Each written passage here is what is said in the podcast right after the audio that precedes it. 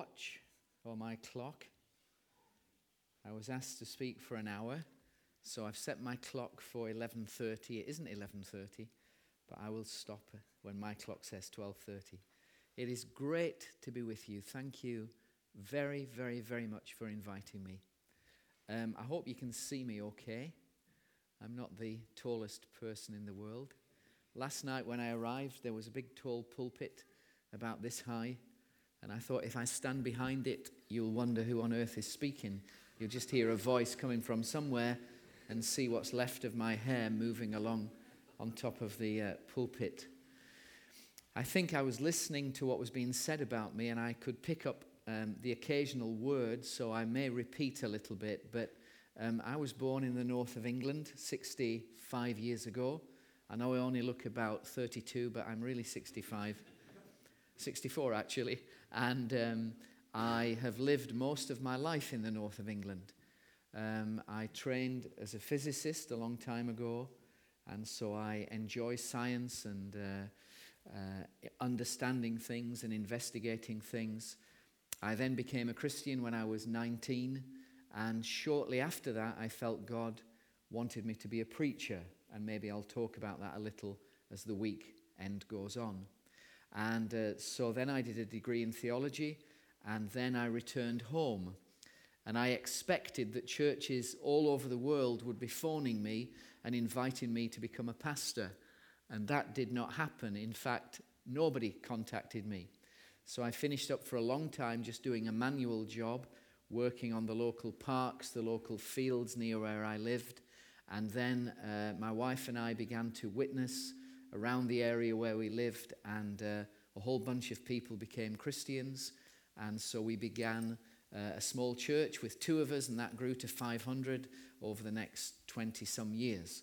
And then in 1998, I left there and went to uh, Capernwray Hall in the north of England, which for about eight months of the year is a Bible school. We have a six month Bible school, a winter Bible school. We have a two month spring school, and sometimes people do both, i.e., eight months. And then the rest of the year, it is a conference holiday program. And I just came, and I think um, I've said this to some of you. I came just this last week from walking in the mountains every day. And so my legs are aching quite a lot. It was very interesting. Um, I'm going to be around, uh, obviously, today and tomorrow. And please, please, please, please, if you have any questions or things you'd like to talk about, I would love to talk to you.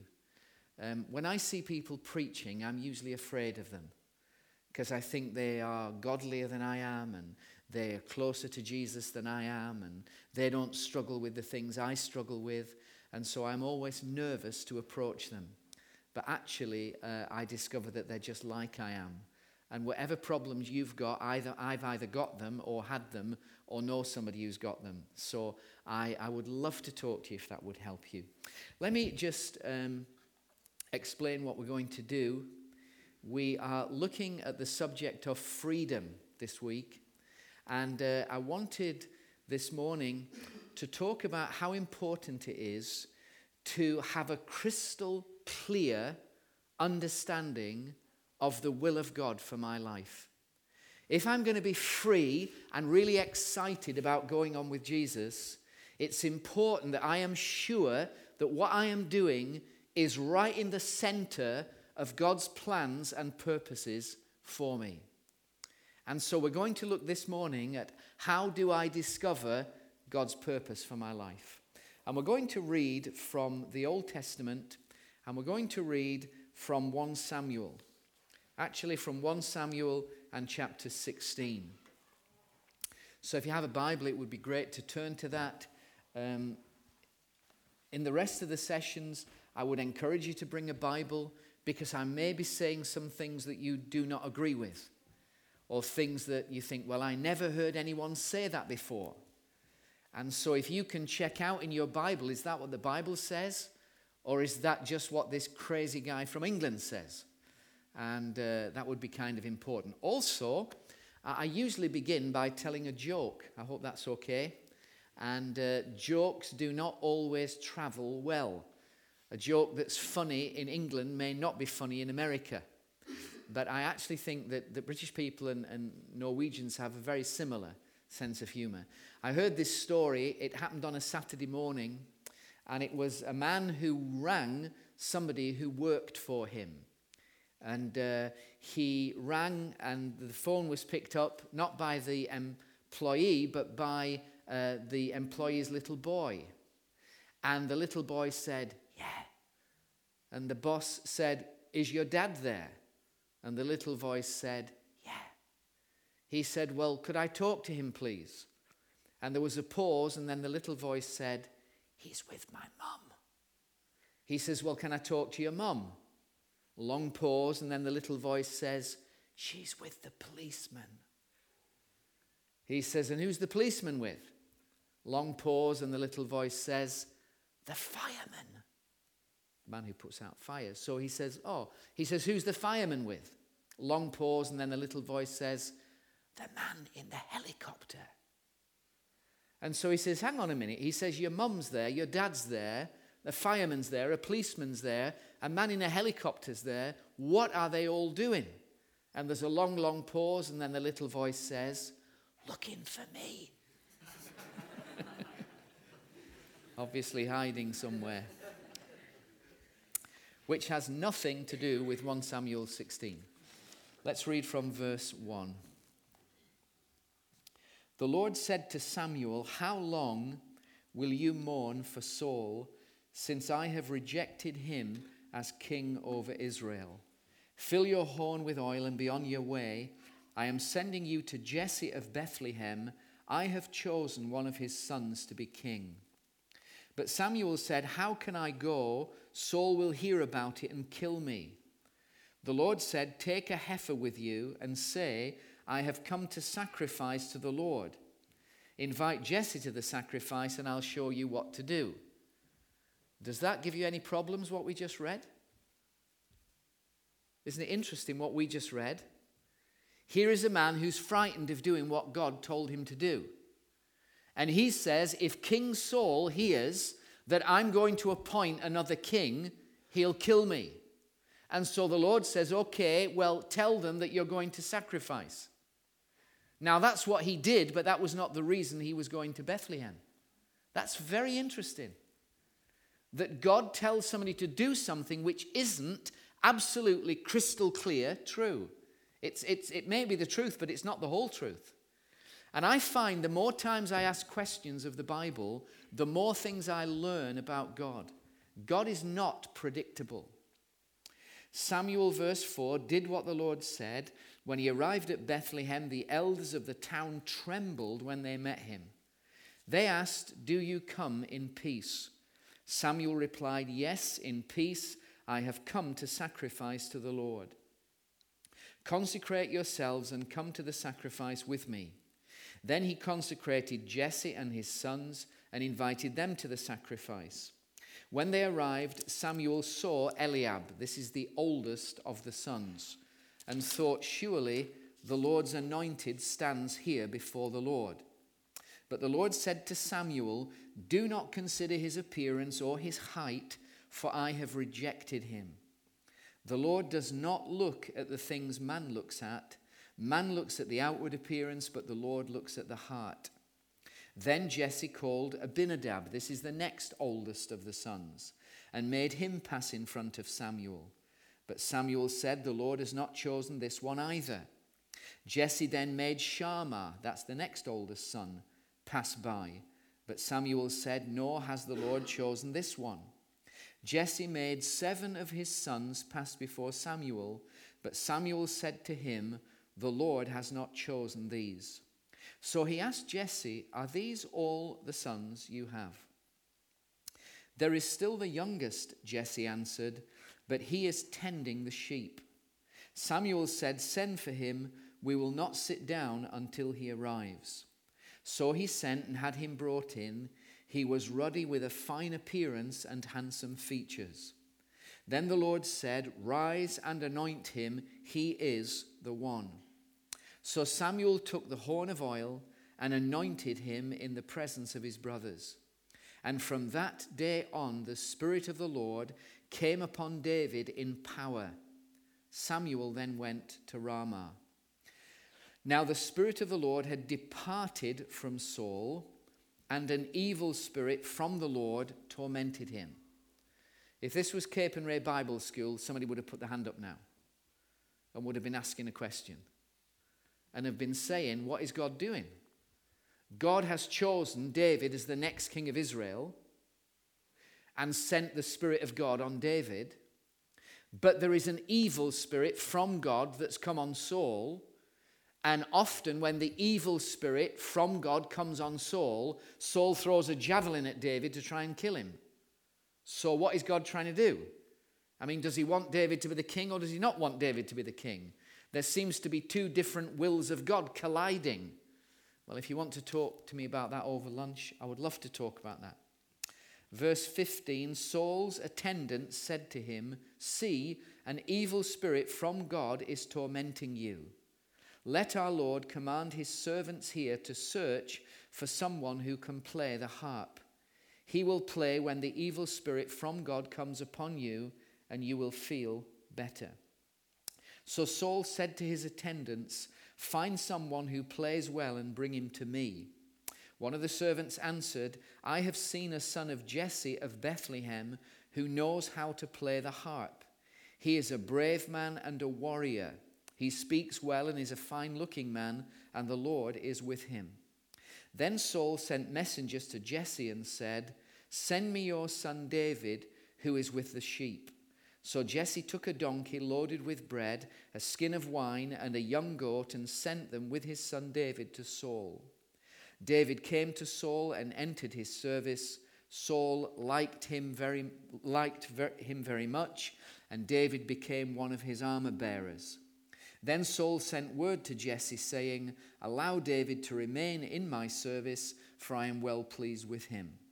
Whenever the Spirit from God came upon Saul, David would take his harp and play. Then relief would come to Saul, he would feel better, and the evil spirit would leave him. Let's just have a, a, think about discovering the will of God for our life. And I want to suggest that this is one of the top 10 questions, certainly at Bible school, that people come to me and ask. So people come and they ask me questions like, Rob, does God want me to marry Mary or does God want me to marry Jennifer? I can't decide. Or does God want me to live in Africa or does God want live, me to live in America? I don't know. Or, Rob, does God want me to be a mechanical engineer or does God want me into medicine, get into medicine? How do I discover what God's will is?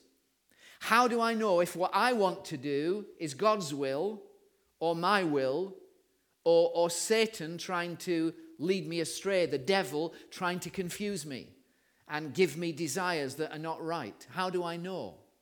This is a top 10 question. And I would suggest that oftentimes this question arises out of ignorance. Now, I don't want to be unkind, but I have uh, been married for just working it out. I got married in 1968, so you can do the maths.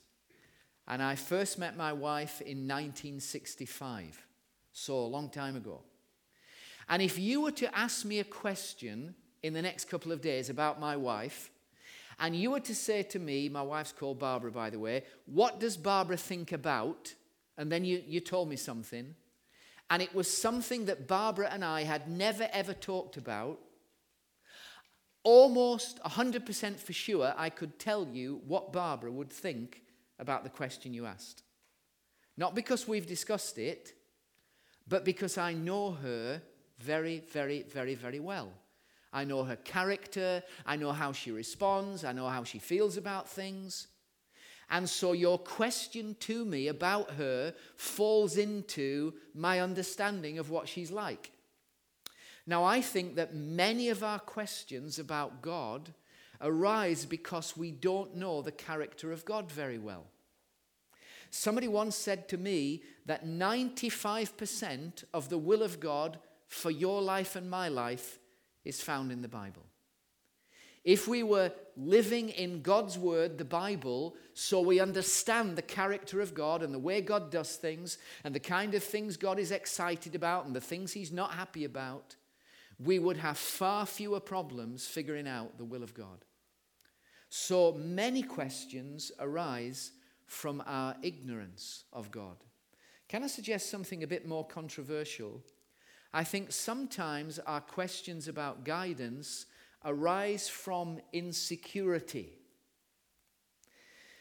We don't want to make a mistake. Maybe as we look back at our lives, we have really made some bad choices. You know, I wish I'd never done that. I wish I'd never gone there. If only, if only, if only. And now we don't want to make mistakes. And so we want God to speak to us in supernatural ways. So, should I marry this person or that person? We want somebody's name to appear in fiery letters on the wall. We want the angel Gabriel to appear in the corner of the bedroom and say, Marry Mary. Okay, right. Hey, I got news for you. God doesn't lead us like that 99% of the time. Those things are the exception, they are not the rule, they are not the normal way that God guides people. Yes, He can guide like that, but that's not the normal way He guides us. Now, fasten your seatbelts, put your trays in the upright position, because I'm about to say something you might disagree with. So please don't start throwing things at me. I don't think there is only one person on the planet for you to get married to. I do not think that. Some of our students come to me and say, You know, I'm looking for the one. And I'm thinking, Well, I don't know who the one is supposed to be. If you can show me in the Bible that there is one person for you to marry on the planet, I'll eat my socks because that isn't in the Bible. Occasionally in the Bible, God leads somebody to marry one person. That is the exception, it is not the rule. So you try and think how many people you can think of in the Bible and God told them to marry the one.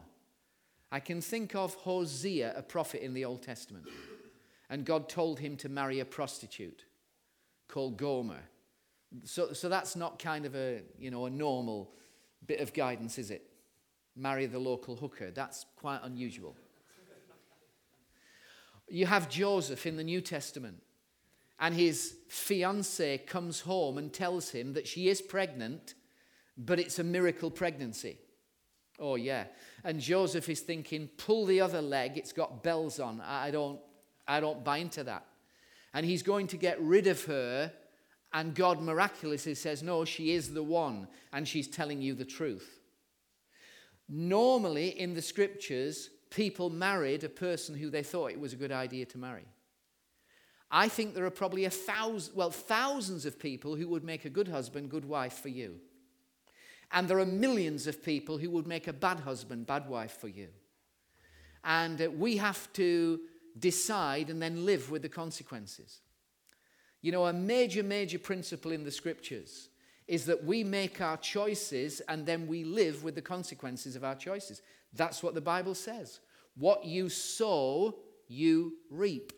The seeds that you put in the ground decide that the harvest that you get. You choose and you live with the consequences. That is a major Bible principle. so, my view of the will of God is that the will of God is not like a tightrope, which is about two millimeters wide. And I've got to kind of balance along the will of God for my life. And, I take one step, one millimeter to the right, and that's me finished. I don't think that's the will of God. I think the will of God is like a 10 lane highway. And yes, there are limits, there are parameters, there are boundaries. Don't go out that way, don't go off that way. But whether I'm on lane one or lane three or lane seven doesn't really matter that much.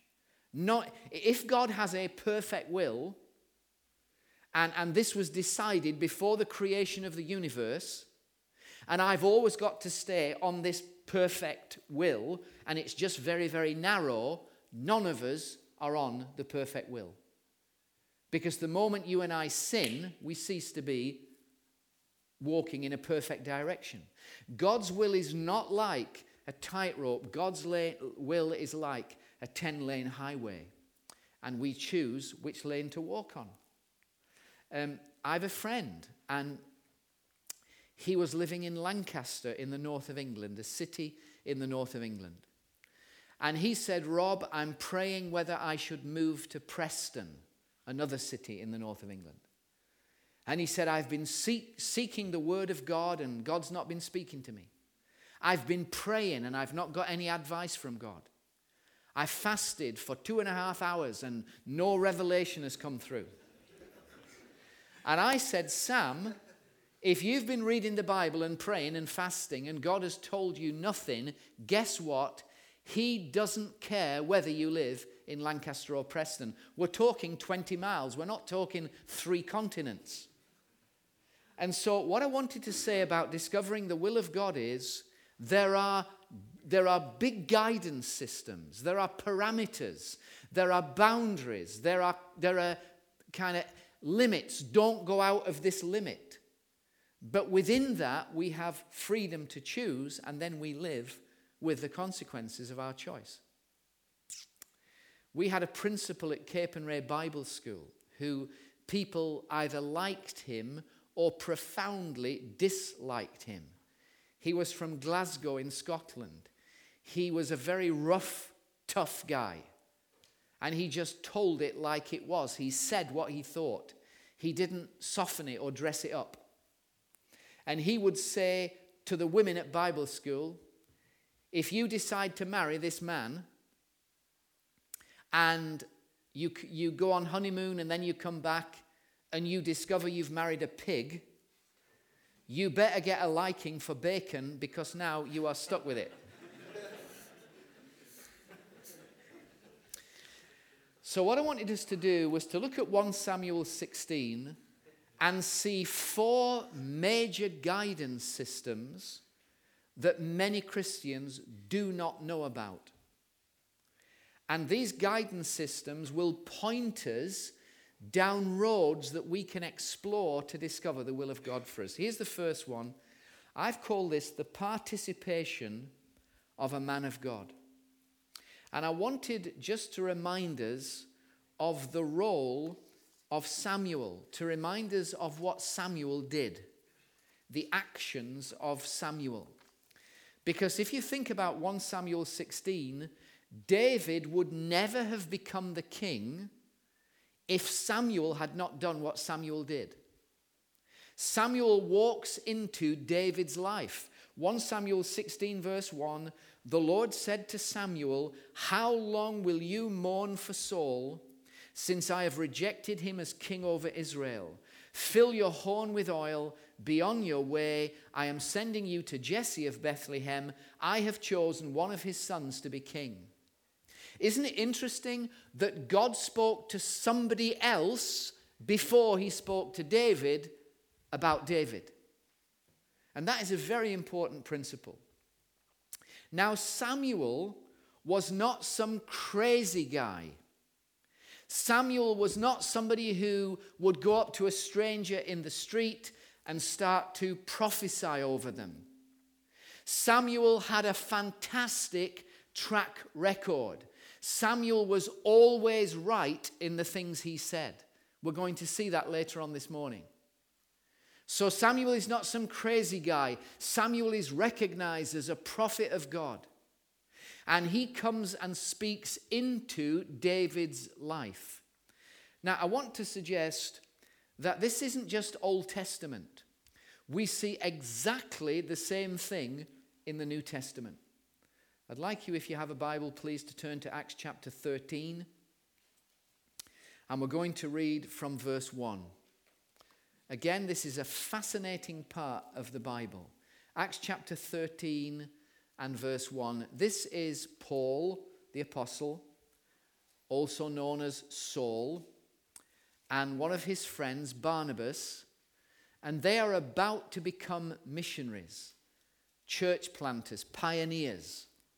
They're about to begin entering God's lifelong work for them.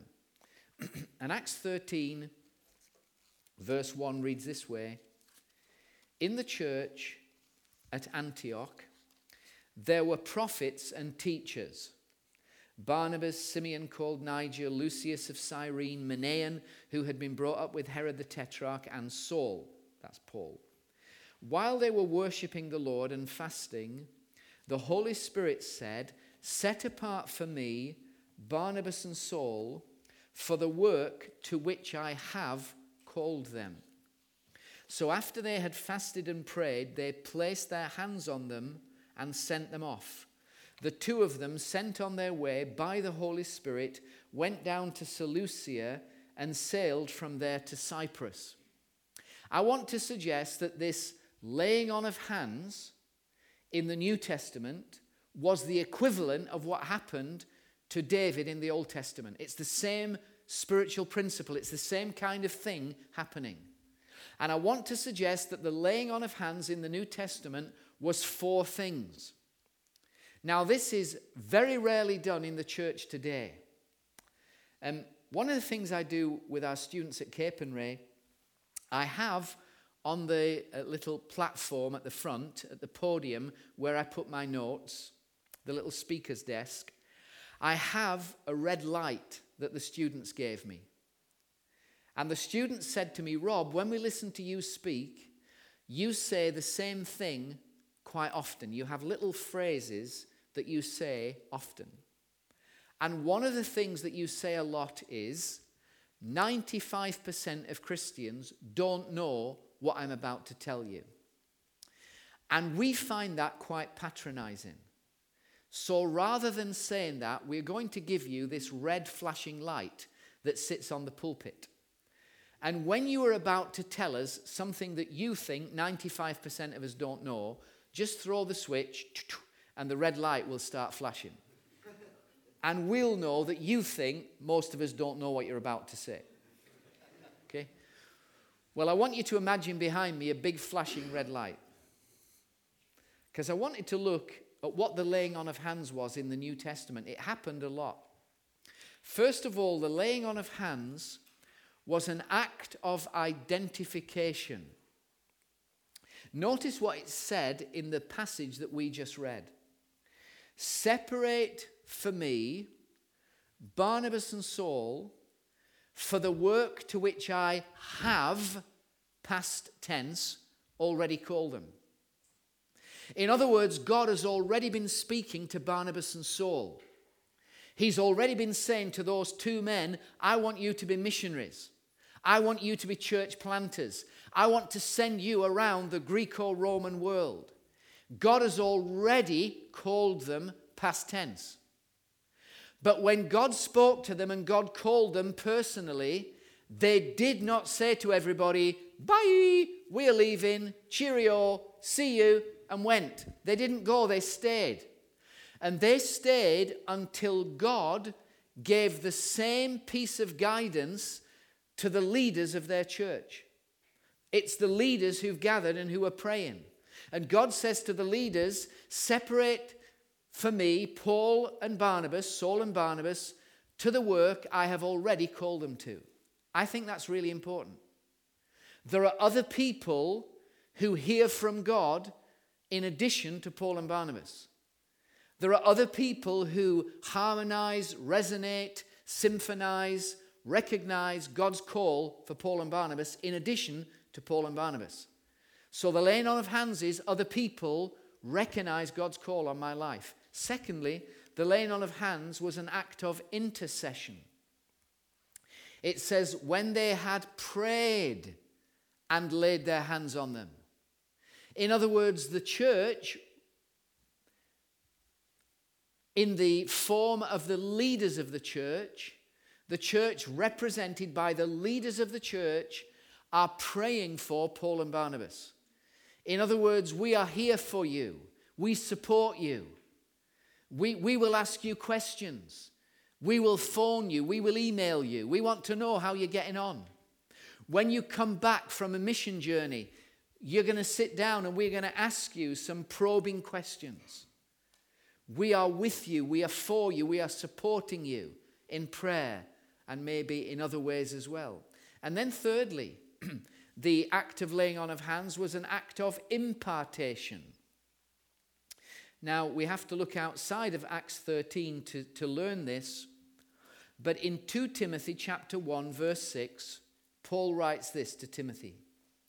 He says, "For this reason I remind you to fan into flame the gift of God which is in you through the laying on of my hands."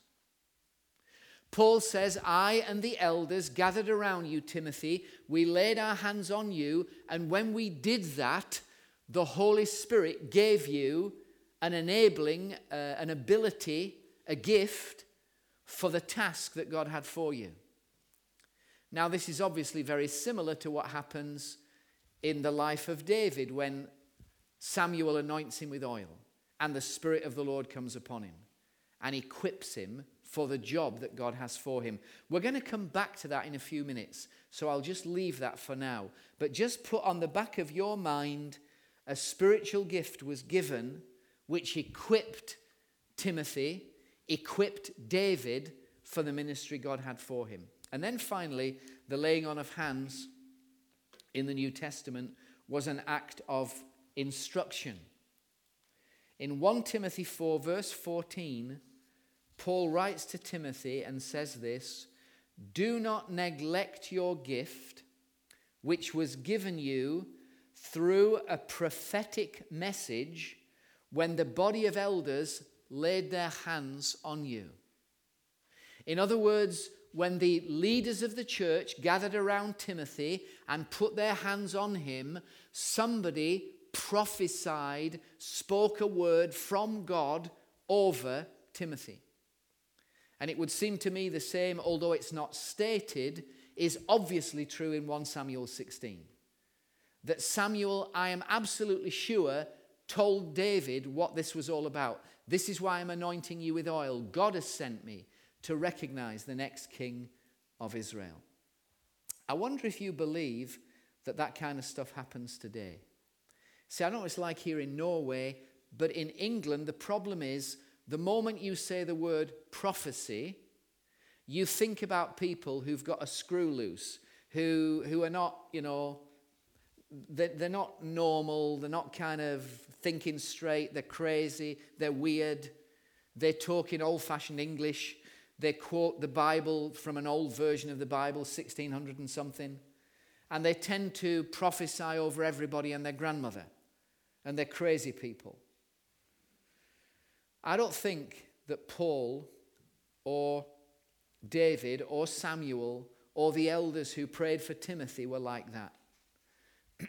I have a friend who is a bishop in the Anglican Church. And he tells a story about when he was a, a, local parish priest. He was not a bishop then, he was just in charge of a local church. And one day the phone rang, he picks the phone up, and it's an American lady who he doesn't know. And she says, Are you? And then she said his name. He says, Yeah. She said, Okay, well, you're the man. He says, What for? She said, Well, my husband and I are both trained uh, psychotherapists. We have professional qualifications in America. And we have been uh, praying and meeting with the elders of our church and together we have all felt that we should come as a couple and begin a counseling ministry based in a local Anglican church, a Church of England in, in, in, the United Kingdom. And when we were all praying, God showed us in a vision a priest in a local church. And uh, so we have quit our jobs in America. We have moved to England. We were having lunch on a Sunday with a couple and we saw a photograph on a table and we looked. It was a picture of a wedding, and the priest conducting the wedding was the person God showed us with the leaders of our church when we were praying. And we made some inquiries, and it's you. So we believe that God wants us to come and begin a counseling ministry in your church. And my friend thought, crazy. So he says, Thank you, no thank you, puts the phone down. Four days later, the phone goes again. He picks it up. It's the same lady. And she says, I totally understand your hesitation to have anything to do with us. But I wonder if I could tell you some other things. And she then began to describe to my friend a walk that he and his wife went on every Tuesday afternoon to pray for the church. And she described the places they sat on this walk and some of the things they'd been praying about on this walk. And he begins to think maybe she isn't crazy. Long story short, he arranges to meet with her and her husband and realizes here are two people who really are godly. They're not crazy. He, he spoke to the leaders of this woman's church, and eventually he allowed her and her husband to begin a counseling ministry in his church, which is still going strong today and is, is owned by God. There is such a thing as God speaking to people. Don't always put that down to, to crazy people who claim to glow in the dark and all kinds of things, you know. Here is the participation of a man of God. And I want to suggest that this is so important in our lives. Why is Paul writing to Timothy? He's writing to Timothy because Timothy feels like quitting. Timothy is now the leader of a church in Ephesus. It is incredibly difficult. And Timothy is thinking, I got it wrong. I shouldn't be doing this job. This is crazy. And Paul is writing and saying to him, Listen, it wasn't just you who decided to do that. Other people spoke into your life. God showed other people that He wanted you to be a pastor. He didn't show you exactly where, where. It was me, Paul, who told you to go to Ephesus. But others recognize God's call on your life. Don't throw the towel in, don't quit. See, if we are just being led by me and the Lord, we are so open to disillusionment when it gets difficult. This is a forgotten principle of guidance, other people speaking into our lives. And can I suggest also that we are open for God to do that through us into other people's lives? We used to have a program on British television, and uh, maybe it's come over here, I don't know, or a variant of it come over here. And there were two contestants, and behind them was a big screen, an electronic screen. And it was rather like a jigsaw puzzle, an electronic jigsaw puzzle. And there were no pieces on the screen. And so one person, one of the contestants, would be asked a question. If they got the question right, this screen would begin to flash. They would hit a large button, and one of the jigsaw pieces would freeze on the screen and it was part of a picture. And they had to try and guess what the picture was. It was a cartoon, an illustration of a well known phrase or saying. And they would guess, and usually they'd guess it wrong. So now the next person can ask a, answer a question. And if they got it right, they would hit the button, and another jigsaw piece would freeze on the screen. And the man who was comparing the program, who was leading the program, would say Say what you see. Say what you see. Just speak out what you see on the screen. And people would, well, it's a, it's a, it's a, it's a bird and it's a, a bush and it's, oh, oh yeah, a bird in the bush. I beg your pardon, a bird in the hand is worth two birds in the bush. Just an English saying. And they then would win 500 pounds. Say what you see. And I would urge you as a parent, talking into the lives of your children to say what you see. Tell them what you see in their life. Tell them the good things you see in their life. If you are a leader in a youth group, speak into the lives of other people. Tell them what you see. It is a forgotten principle of guidance. Now, we're going to mention that again in a few moments. So, number one, the participation of a man of God. Here's the second big principle of guidance that is often forgotten the provision of the Spirit of God. Now, of course, we see that in David's life. It says in 1 Samuel 16, verse 13 So Samuel took the horn of oil and anointed David in the presence of his brothers, and from that day on, the Spirit of the Lord came upon David in power. God's Spirit came upon him and brought power. Now we see a similar thing throughout the Old Testament. I've put lots of references there. We're not going to turn to all of them because of time. But you find in the Old Testament that very often the Holy Spirit would come upon someone, not come to live inside of them. That only happens in the New Testament. The Spirit of God did not permanently come to live inside anybody in the Old Testament.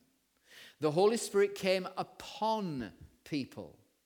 Or another expression may be he, he dramatically filled people. But this wasn't the Spirit coming to indwell and permanently live inside of people. He would come and give people an ability, a gift. And I've listed there, if you want to, I'll read them out for the tape or the CD. Numbers 11:25, Judges 3 verse 10, Judges 6:34, Judges 14:6, 1 Samuel 11:6, Ezekiel 11 verse 5. So, for instance, in the book of Judges, this was a, a low point eh, amongst God's people, and often God's people would be away from Him, and then the Spirit of the Lord would would come upon somebody, and that person would become a leader, and that person often would have special abilities.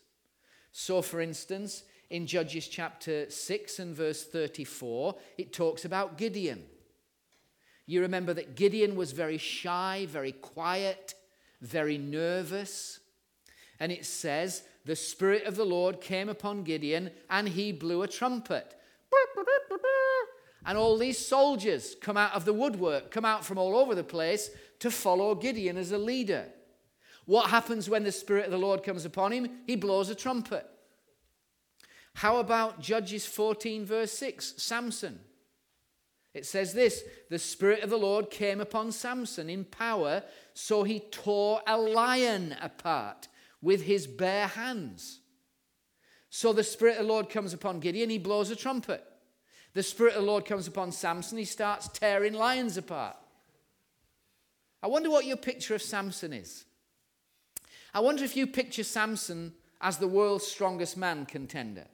I know you've had some of the world's strongest men, you know, guys from, from this part of the world. Incredible guys, massive guys. I wonder if you think of Samson like that. Samson was not like that. Samson was not down at the local gym pushing weights. Samson was not along to the local pharmacist, you know, getting steroids. I think Samson looked like me, okay? Honest. I think he was a weedy guy. I don't think he was a big tough guy. Because people looked at Samson and couldn't figure out why he was so strong. So he's obviously not like the world's strongest man. When, when I told the students at Capernwray Samson was like me, one of them put his hand up and says, No, no, no, because Samson had hair. I, I didn't appreciate that. No, I didn't. I didn't mind that at all. Now, I'm looking at this for a reason. You'll see why in a moment. We actually see also in the New Testament the Spirit of the Lord coming upon people. This is all over the New Testament. Again, I've got a big flashing red light going. so, Luke chapter 1, verse 35. The angel answered Mary. Mary is asking, How can I be pregnant? I haven't had sex with a man. And the angel answered, The Holy Spirit will come upon you, and the power of the Most High will overshadow you. So the Spirit of the Lord comes upon Gideon, and the Spirit of the Lord comes upon Samson and he starts ripping lions apart. The Spirit of the Lord comes upon Mary and she gets pregnant even though she's a virgin. How about this? Luke 3, verse 22. The Spirit of the Lord came upon Jesus. Do you remember when Jesus is baptized in the Jordan River and he comes out of the Jordan River? And we read this the Holy Spirit descended upon him in bodily form like a dove and a voice came from heaven You are my son, with whom I am well pleased. And then in Luke 4, verse 18, Jesus goes into the local synagogue and he opens a scroll of the scriptures and he reads this The Spirit of the Lord is upon me because he has anointed me to preach good news to the poor. He sent me to proclaim freedom for prisoners and recovery of sight for the blind in other words, the miracles of the Lord Jesus were empowered by the Spirit who came upon him. So, all I'm trying to draw is a picture that the Spirit empowers people for service. Now, I need to flag up as we just close this section that there are many other ways that the Holy Spirit equips people. Yes, He still comes upon people. I believe that. And when He comes upon people, He gives them miraculous abilities. Rob, are you a Pentecostal? Uh, well, sort of, but not really. Why not? Well, I don't know what it's like here in, in Norway, but in England, a lot of Pentecostals who are my friends and I love them and respect them say that when the Spirit empowers somebody, they speak in tongues. Well, I think that some people speak in tongues when the Holy Spirit comes upon them. Absolutely.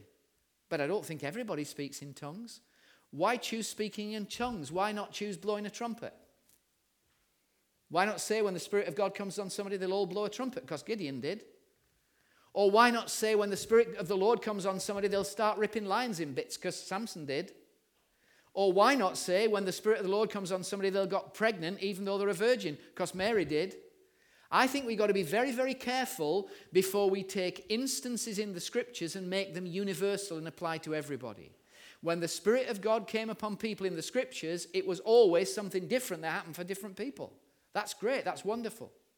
But let's just lay that on one side because it isn't only the coming upon of the Spirit that equips people for service, the indwelling Spirit, when you and I become Christians, His Spirit comes to live inside of us and He gives us spiritual gifts.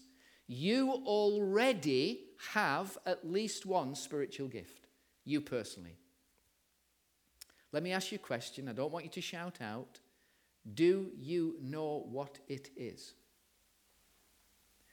A spiritual gift is God equipping us for a particular task. And I view a spiritual gift as a signpost, and God is saying, if you walk down this road the way the signpost is pointing, you will discover different ways that I can use you. So, the first forgotten principle of guidance is the participation of somebody else speaking into your life.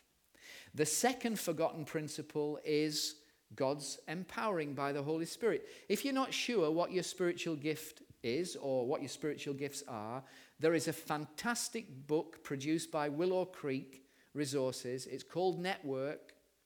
And you sit down and you answer lots of questions about yourself most of the time, sometimes, never. You just tick a lot of boxes and then you crunch some numbers, and off the end of that process comes these are your spiritual gifts. Now, the wonderful thing is, you also have to get two or three friends to do the same thing about you. And they answer similar questions. Uh, it's, it's not the same, but it's similar. And off the end of, of their questions comes, These are your spiritual gifts. And then you overlay those statements and you have an objective as well as a subjective evaluation of your spiritual gifts. It's a fantastic, forgotten principle of guidance. Other people speaking into my life. What are my spiritual gifts? Here's the third one. We've about, just by the way, about 14, 15 minutes left. Haven't forgotten my clock. 60 minutes, we'll stop wherever we get to. Here's the third one the recognition of people. Now, I've said of God, it, this may be Christians or it may just be non Christians, it may be ordinary people. I don't know if you've thought about this, but, but it's very interesting that sometimes in Scripture, other people could identify something in a person. For instance, once I said we'd return to this. 1 Samuel chapter 3, verse 19. I love this. Just, just, just enjoy this truth. It's like taking a warm bath. 1 Samuel 3, verse 19. The Lord was with Samuel as he grew up, and he let none of his words fall to the ground. In other words, whenever Samuel made a prophecy, it happened. That's what it means. He let none of his words fall on the ground. The next, the next uh, verse says this And all of Israel, from Dan to Beersheba, recognized that Samuel was a prophet. Everybody realized Samuel was a prophet. He didn't have a badge on that said, I'm a prophet. I want you all to realize I'm a prophet, guys. No. People just watched him and listened to him and said, Prophet. Everybody recognized it. Let me read you something about uh, David. It's interesting, chapter 16, verse 17. When Saul's freaking out, when this evil spirit comes upon him, and somebody says, You know, music therapy would be a good thing for you, Saul. Let's get somebody who plays the harp well, and when you are freaking out, they'll play the harp and, and, and you'll feel better. So Saul said to his attendants, Find somebody who plays well and bring him to me. One of the servants answered, I have seen a son of Jesse of Bethlehem who knows how to play the harp. He is a brave man, he is a warrior, he speaks well, and he's a fine looking man, and the Lord is with him. Now I'm about to say something profound. Joke. 1 Samuel 16 comes before 1 Samuel 17. All right? 1 Samuel 17 is when David kills Goliath. Do you remember when David marches out to take on Goliath? Saul is saying, Forget it. He'll wipe you out. He'll kill you. He's, a, he's been a warrior since he was a little boy. Don't go anywhere near him. People are saying, David, forget it, forget it, forget it. And David's saying, No, I can take him out. I really can. Just let me, let me get near him.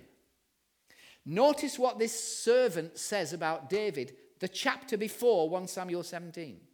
He is a brave man, he is a warrior. In other words, somebody with discernment saw that David was a fighting machine. The guy is a killer. The guy is a warrior. The guy has got soldier written all over him, if you've got eyes to see it. Some people who did not have an agenda saw in David that he was a soldier. So I want to suggest that other people often see in our lives what we don't see in our lives. Wouldn't that be great if we applied that in the church? Have you ever listened to somebody preaching who believes they have the gift of preaching and nobody else has the gift of listening? People are losing the will to live as this person drones on and on and on and on and on and on and on, and people are, you know. Have you ever listened to singers and they thank God that He's given them their voice and they want to give their voice back to the Lord, and the Lord is, no. you can tell when people have got gifts. The moment these guys started to play. I thought these guys are awesome worship leaders. Because I'm not looking at them, I'm not looking at them changing chords and stuff. Even though I didn't understand all the words of all the songs, uh, we're just drawn into a sense of worship. It's a forgotten principle of guidance. I was in a church one day, a guy came up to me, I am not kidding. He was an elder. He said, Could you give me a badge that says counselor on it? I said, What? He said, I want to put a badge on that says counselor so I can stand around at the end of the service and anybody who wants advice will come to me because I've got a badge on that says counselor. So I said to him, Look at that lady over there. And he looked, and there was a woman stood there, and there were four people waiting to talk to her. I said, You know why they're waiting to talk to her? Because she is a counselor. She doesn't have a badge on, she is. Now, I would encourage you to just apply this in your own life. Listen for what people say about you. Not people who have an agenda, but, but listen, maybe at work, maybe in church, maybe in the youth group, maybe at home, maybe your friends. Listen for the same words being used about you when people are talking about you. Now, the only way I can do this is just apply it in my own life. So please forgive me, but it's not, I'm not trying to be big headed and conceited and clever. I'm just trying to illustrate this. That I speak literally all over the world. I speak in places where English is the, the language everybody speaks. Then I go to places like North America where English is not the language everybody speaks, although they think it is. And then I go to different parts of Europe where English isn't the language that people speak. But people come to me and just say thank you at the end of the meeting, and it makes me smile because in almost every single place I go, people use the same word. They come up to me and say, Rob, thank you, that was, and then they use a word. And perhaps they don't quite know what that word means. Usually, the word that people use is brilliant. That was brilliant, thank you. Now, they do not mean, they do not mean you are brilliant. I am not, you already know this, I am not brilliant. Okay? Brilliant actually in English means light bearing, it means to switch a light on. And I don't think everybody understands when they use that word, but I think what they're saying is that was really clear. I understood that. I, I've read that passage many times, and yes, that is in the passage, but I never saw that. That's what they're saying. And I'm saying thank you because that confirms what I know God has enabled me to do, which is to communicate clearly. So thank you, Lord. One of the gifts you've given me is clear communication. Thank you.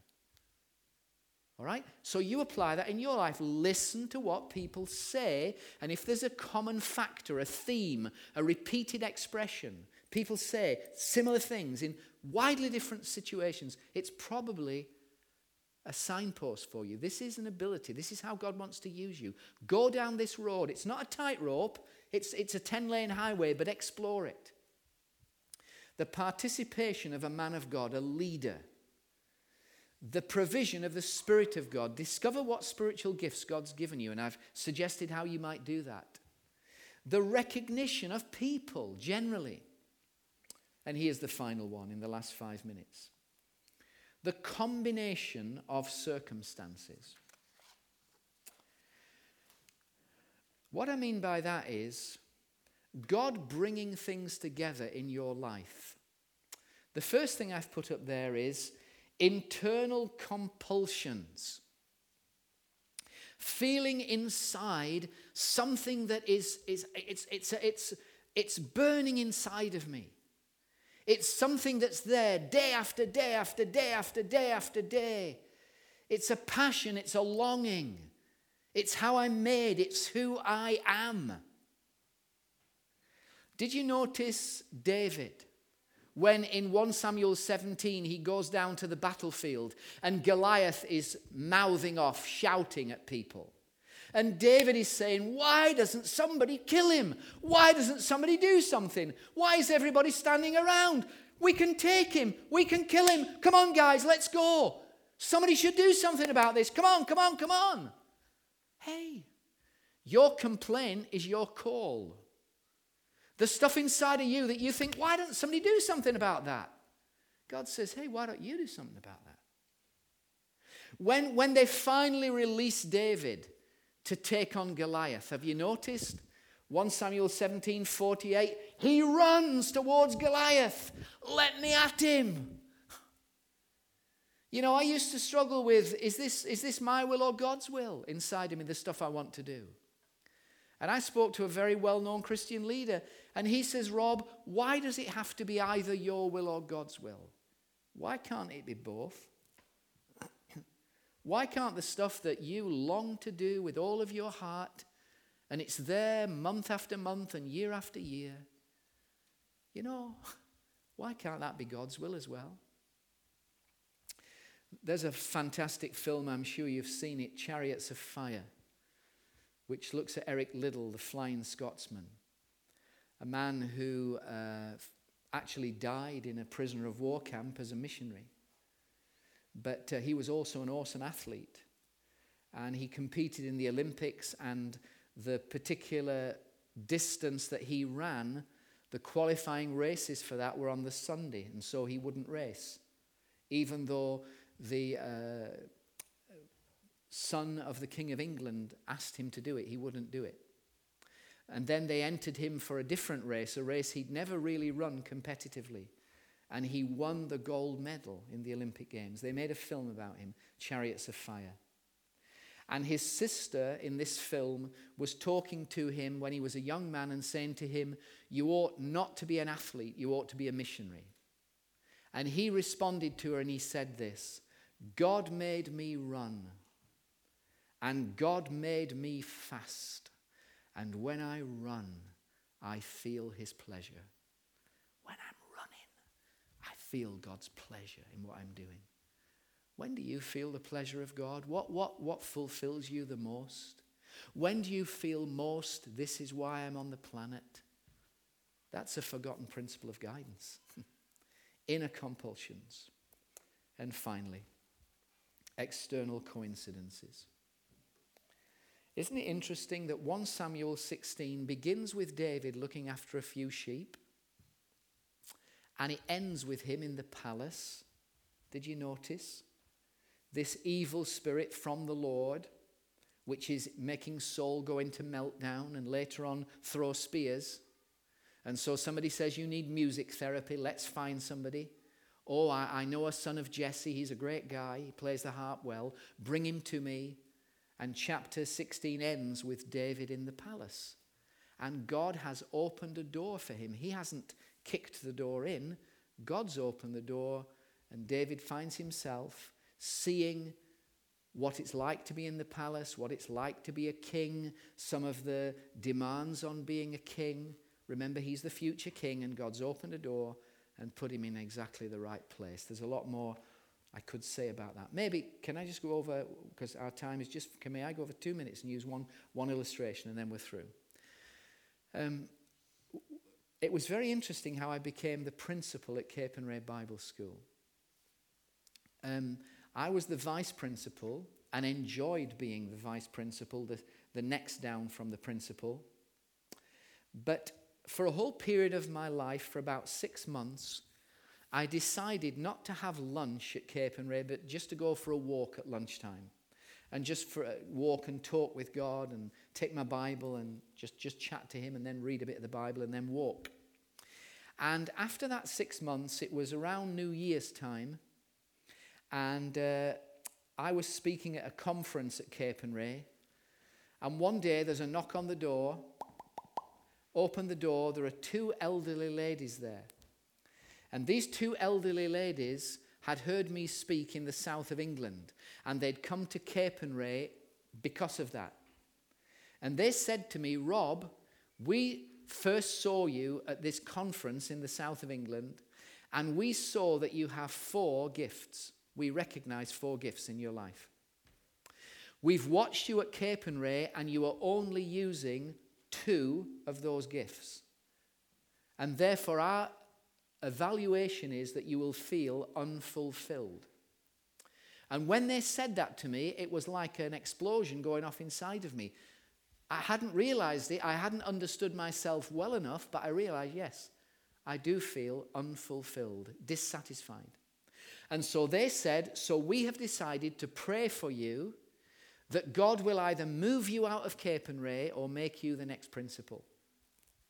And, and they prayed and they left, and I burst into tears when they left. And I thought, well, that means I'm going to leave Capernwray because we already have a superb principal, a man called Charles Price, who's a very well known preacher. Three, four days later, Charles Price came back to Capernwray, having been away in Canada over Christmas and New Year. And he dropped the bombshell and he said, I am resigning as the principal of Capernwray because I've been called to become the chief pastor of a church in Toronto, the People's Church Toronto. I couldn't believe it, man. I'm thinking, this is incredible. You know, I wasn't looking for this, I wasn't angling for it, but God, in a beautiful way, opened the door I believe, spoke prophetically into my life, and I stepped into the next stage of my journey with Him. If we're going to be free, we need to be sure that we are operating in the parameters of God's will the participation of a man of God, the provision of the Spirit of God, the recognition of people, and the combination of circumstances that God opens up for us. I'm just going to pray and then hand over to these guys to close how they want. Father, thank you for your word to us. And I pray, Lord, that each one of us will be able to take one or two things from this morning and begin to build them into our lives and begin to be more free and confident that we're in the center of your purposes for us. And we pray these things in Jesus' name. Amen.